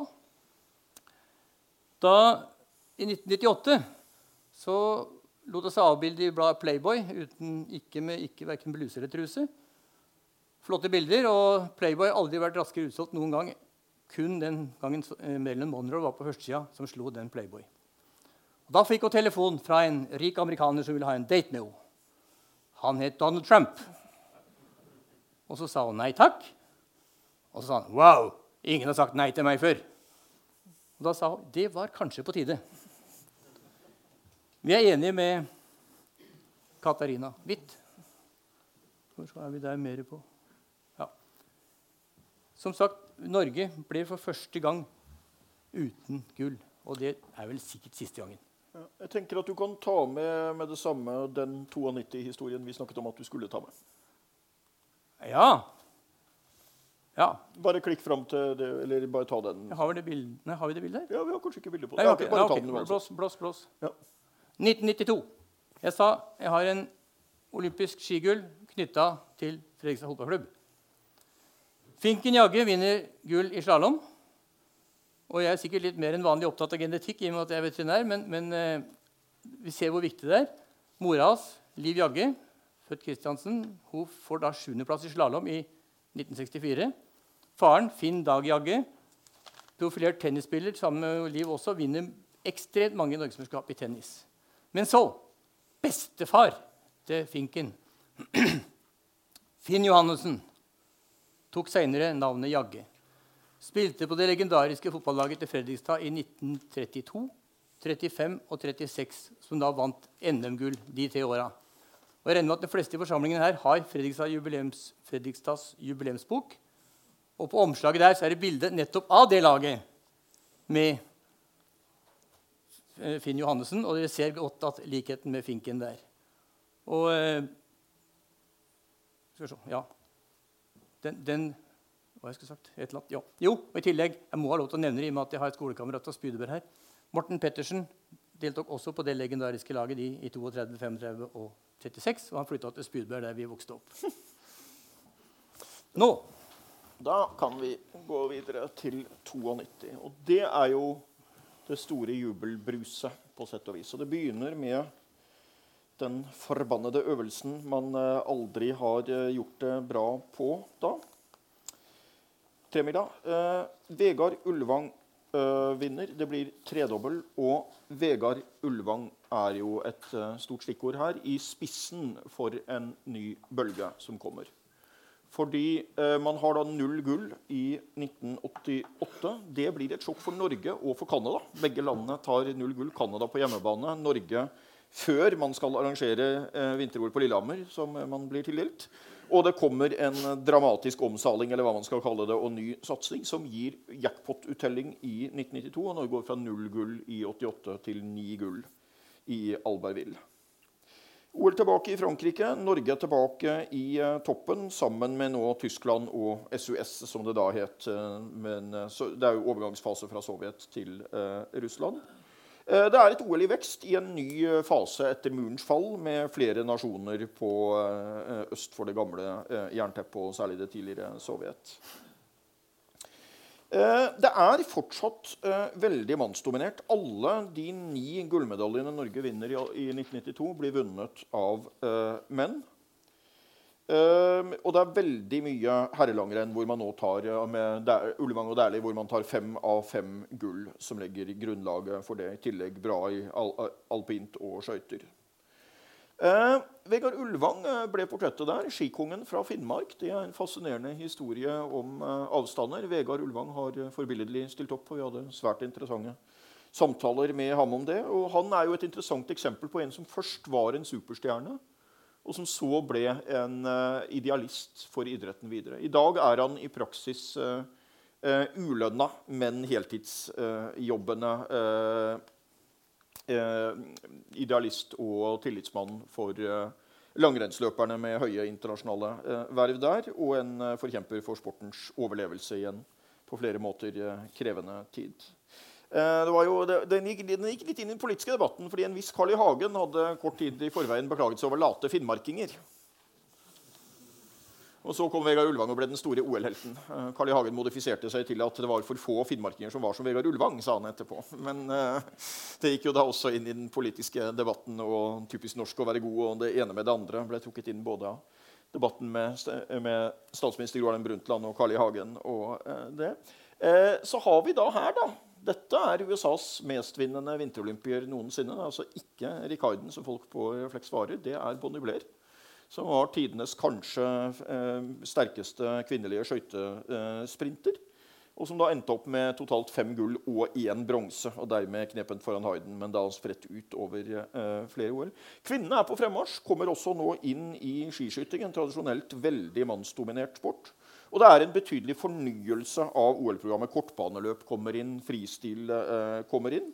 Og det er et lite tidsskille. OL i 1992 er siste gang man arrangerer OL på en utendørs skøytebane. 94. Lillehammer. Dramatisk tildeling, knepen seier mot Sverige. Krevende vei eh, videre med starten på arrangementsarbeidet. Så ble det en folkefest og en svært god gjennomføring. Og også en, en, eh, seiersfest for Norge med ti gull. Man hadde en ytterligere framgang fra Albertville, selv om det var andreplass bak Russland. Fortsatt mye herrelangrenn, som er den eh, store på 90-tallet, med nå anført av Bjørn Dæhlie. Men uh, ulike også medaljer. Johan Olav Koss vinner jo da tre OL-gull på skøyter. Har vi også hatt et uh, svært interessant intervju med i, uh, i, i, i, boka. Ble jo da portrettet fra det året. Det var helt magiske skøyteresultater. Um, og i tillegg da gull til en viss Fred Børre Lundberg i, i uh, kombinert og, uh, og i uh, hopp, og nok en gang da et gull i alpint. den merkelige historien skiskyting og 1994 er en egen historie. Dette er Myriam Bedard fra Canada, som er tror jeg vi må si, den første skiskytteren fra Nord-Amerika egentlig av noen betydning. Hun blir OL-dronningen i skiskyting i 1994. Fascinerende historie. Hun, hadde, hun var kjent som jenten, jenta med fiolinkassa i hjembyen i tenårene. fordi Hun gikk rundt og drassa rundt på en svær fiolinkasse på bussen. Og Alle som kjente henne, visste at hun ikke var utpreget musikalsk anlagt. Men poenget var at det lå et gevær i fiolinkassen. Eh, fordi det var ulovlig å reise på bussen med, med, skytevåpen. og Foreldrene hadde ikke råd til å kjøre henne til treninga, så hun tok bussen og så gikk hun med geværet i en fiolinkasse. Eh, og Jenta med fiolinkassen blir jo da OL-dronninga på eh, Lillehammer. og Så langt er jo alt bra. Og så blir det en ganske så tragisk og merkelig, til dels mystisk historie om livet videre etter karrieren, hvor hun stort sett har fått oppslag på en del eh, mindre fordelaktige ting, inkludert at hun ble arrestert for å ha kidnappet sin egen datter. Eh, og det ble en ganske dramatisk historie videre, som man kan lese mer om i boka. Også et drama på den norske siden. Den legendariske OL-helten Eirik Valfoss blir tross sterke protester blant annet fra NRK sportsredaksjon vraka. Eh, og det utløser skandaleoppslag og alt. Og inn kommer jo da en uh, ung mann ved navn Ole Bjørndalen. Og det er vel eksempel på et uttak som står seg noe bedre i ettertid enn uh, slik det fremsto i samtiden. Men det er jo en stor forkjærlighet for disse legendene. Eirik Valfoss var jo en stor legende. Og det var en veldig trist slutt på karrieren for Eirik Valfoss ikke å få gå OL på hjemmebane i Lillehammer. En som fikk gå, var jo da skal vi se, og det er jo En av de aller mest rørende historiene her er jo da Dan Jansen, som hadde vært stor favoritt i 88. Da døde søstera, og han kollapsa og vant uh, ikke. Uh, hadde vært stor favoritt i 92 og mislyktes. Mislykkes på første forsøk på Lillehammer, men vinner da på den aller siste starten. Og det er et magisk øyeblikk når han går seiersrunde sammen med sin lille datter, som er oppkalt etter den avdøde søsteren. Da går vi videre til 98. Nagano, Japan er igjen arrangør. Nagano er det sørligste sted som har arrangert olympiske vinterleker. Det ligger på høyde med San Francisco og Tunis. Så værforholdene var eh, ekstremt eh, skiftende, og mange øvelser ble utsatt, men alle ble til slutt arrangert. Midori Ito er da ildtenneren i en sånn seremoniell kimono. Herreportrettet i 98 det var jo ikke noe tvil om hvem det skulle være. Norge vinner da faktisk nok en gang ti gull.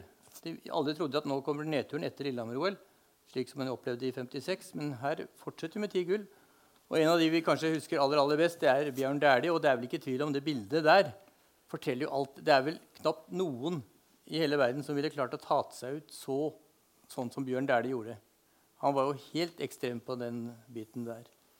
Så vi har jo han som portrett. Og åtte gull og fire sølv. Han ligger jo da på toppen av OL-statistikken av medaljevinnere i olympiske vinterleker i dette året her. Stålkvinnen kaller hun Katja Zeisinger. Hun har da tre gull, men nå vinner altså gull i utfor både i Tyskland, fra Tyskland. Vinner både på Lillehammer og i Nagane utfor, og vinner også i kombinasjonen. Når hun kaller det Stålkvinnen, så er det fordi at faren hadde, var innehaver av et stålverk. Han hadde vel 3000 ansatte. Så hun, snakker, hun var ikke, millionær, var ikke millionærdatter, hun var milliardærdatter.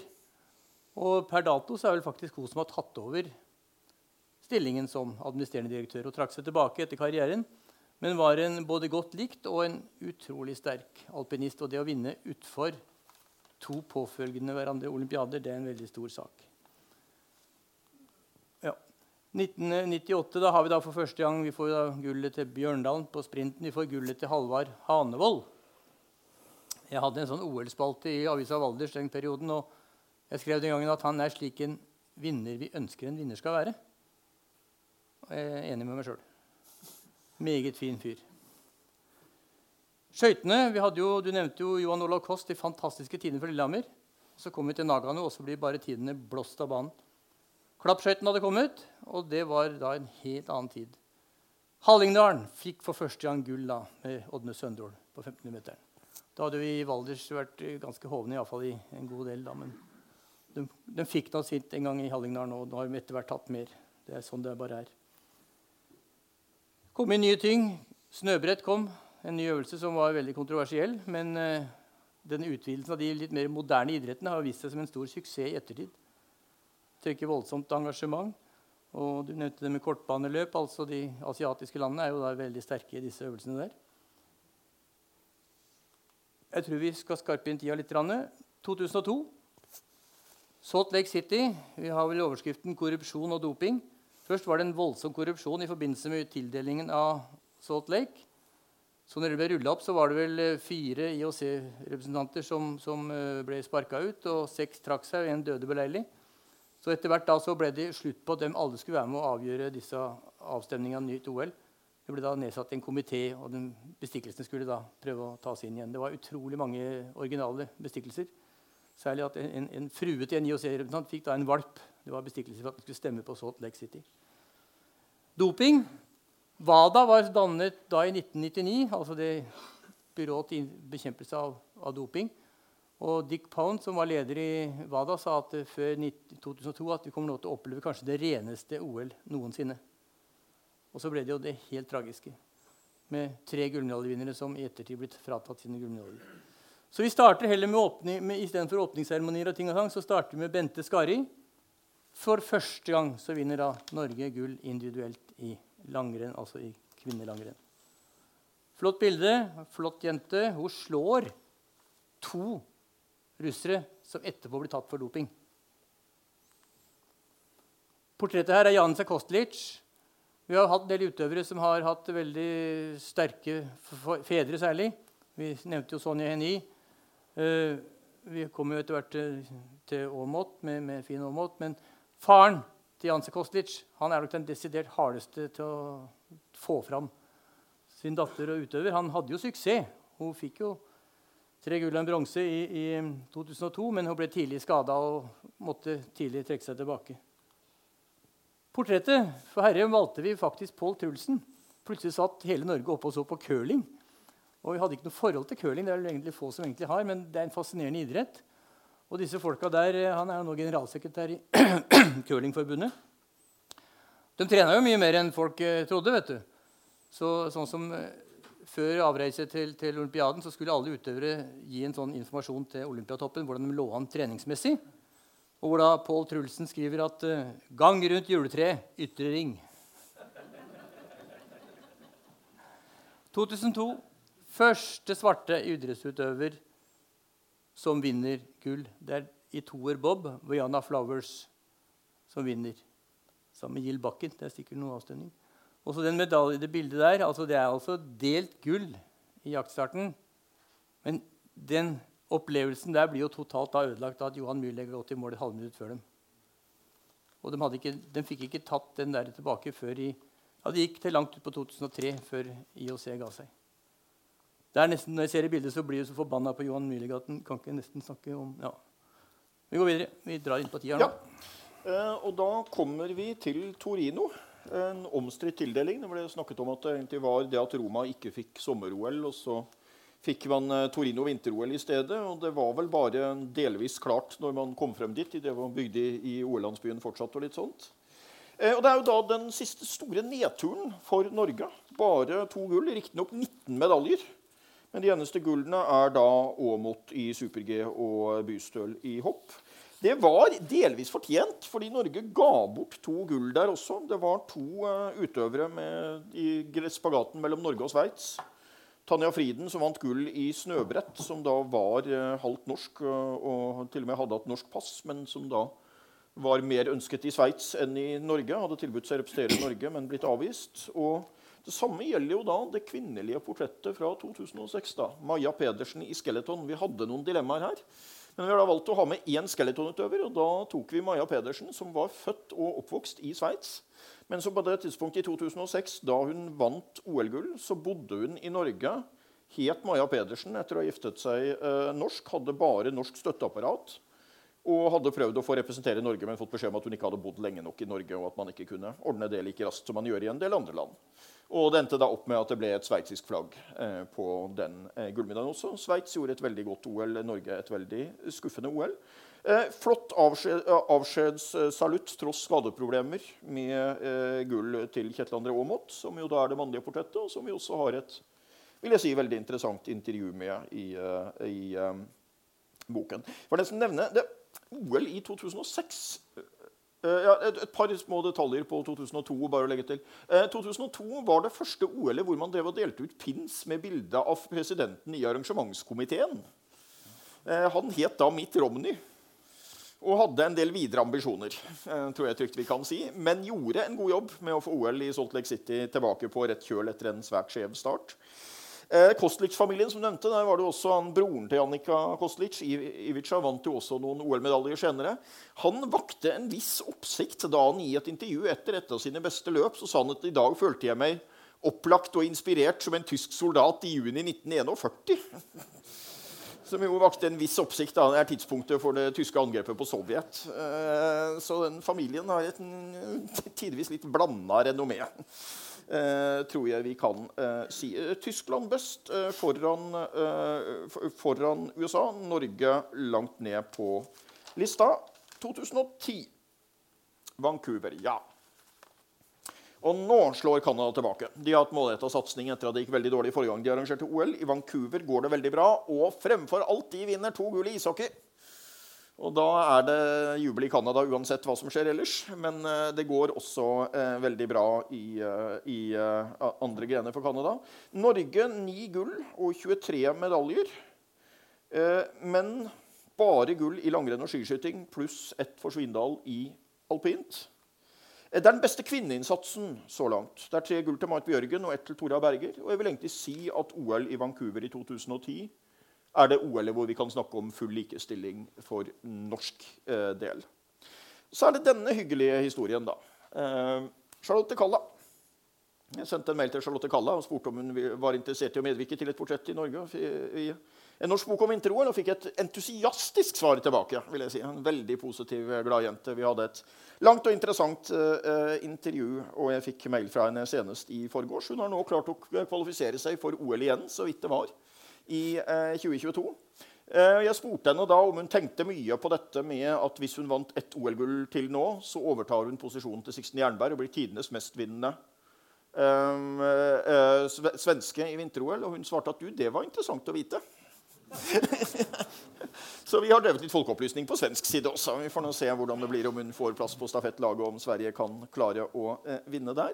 Så er det jo denne merkelige historien her. da. Simon Amman han, vinner, han har fire OL-gull. Og de har fordelt på to OL med åtte års mellomrom. Altså Han det, vant to gull eh, veldig overraskende i 2002, og så var han helt ute i 2006. Så vant han to gull igjen i 2010. Eh, han hevdet jo selv at ifølge statistikken skulle han vinne to gull i 2018 igjen. Så han deltok da også med mindre framgang, får vi si. Men det siste jeg har hørt er vel at han er på lista over de som skal delta i 2022 og har hatt en viss formstigning. Så han er virkelig blitt en superveteran i eh, hoppsporten. Uh, skal vi se uh, Ja. Um, dobbeltgull i ishockey til Canada. Ja, der utløstes, Det var da den seiersfesten til damene deres utløste en skandale og alkohol på isen og det ene med det andre.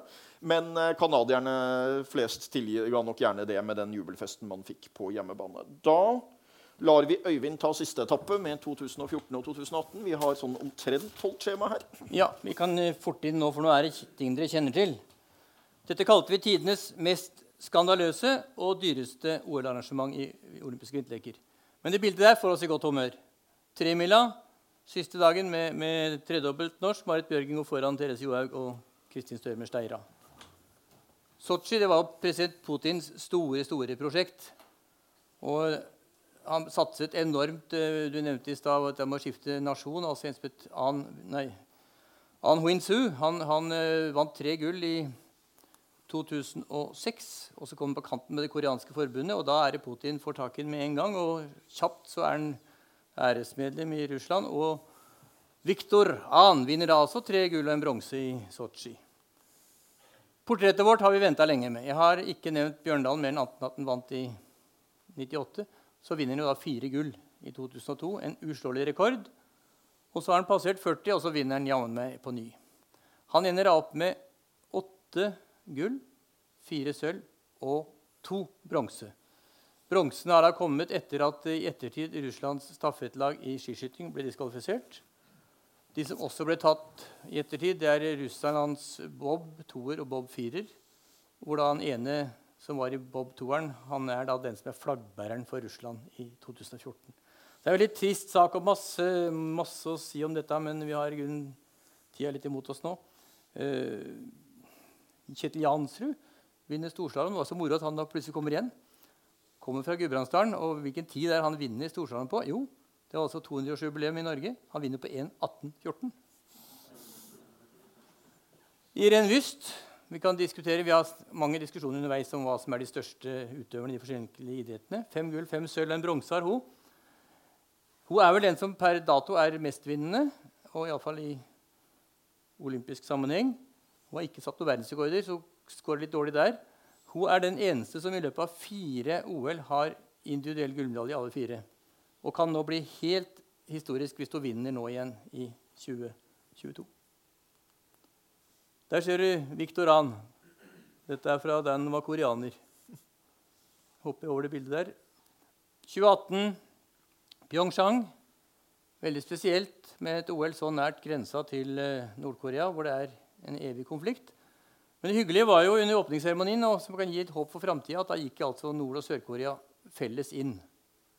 Et veldig styrt åpningsseremoniell. Portrettet vårt der tok vi Martin Fourcade. Han er oppe i seks gull og har en fascinerende historie, han òg. Utrolig sterk skiskytter. Vi slutter med Marit Bjørgen, men før jeg skal ta Marit Bjørgen, så skal vi gå et lite hopp tilbake, for det er en liten feil. Der står det 2014. Det er 2018. Det er Ester Lidetsjka. Det er den største prestasjonen i 2018. Hun vinner altså Hun er favoritt i, i parallellstorslalåm, det du ser på nå med snøbrett. Hun vant også super-G alpint. Hun trodde ikke sine egne øyne Hun trodde at det måtte være noe feil med tidtakinga. Hadde aldri vunnet før. Så vinner altså i to vidt forskjellige øvelser. Estel Ledetsjka. Så er det sluttportrettet vårt. Og da er det lettvint for oss å rangere rekkefølgen på de største medaljevinnerne i vinter-OL. Altså det er tre nordmenn på topp. Og på toppen så er Marit Bjørgen med åtte gull, fire sølv og tre bronse. Tilfeldigvis så bor Marit Bjørgen i Torleif Haugs vei, så vi kan si at vi, Norge er et lite land, altså, men vi slutter ringen fra Torleif Haug til Marit Bjørgen. Du har hørt en podkast fra Litteraturhuset Fredrikstad.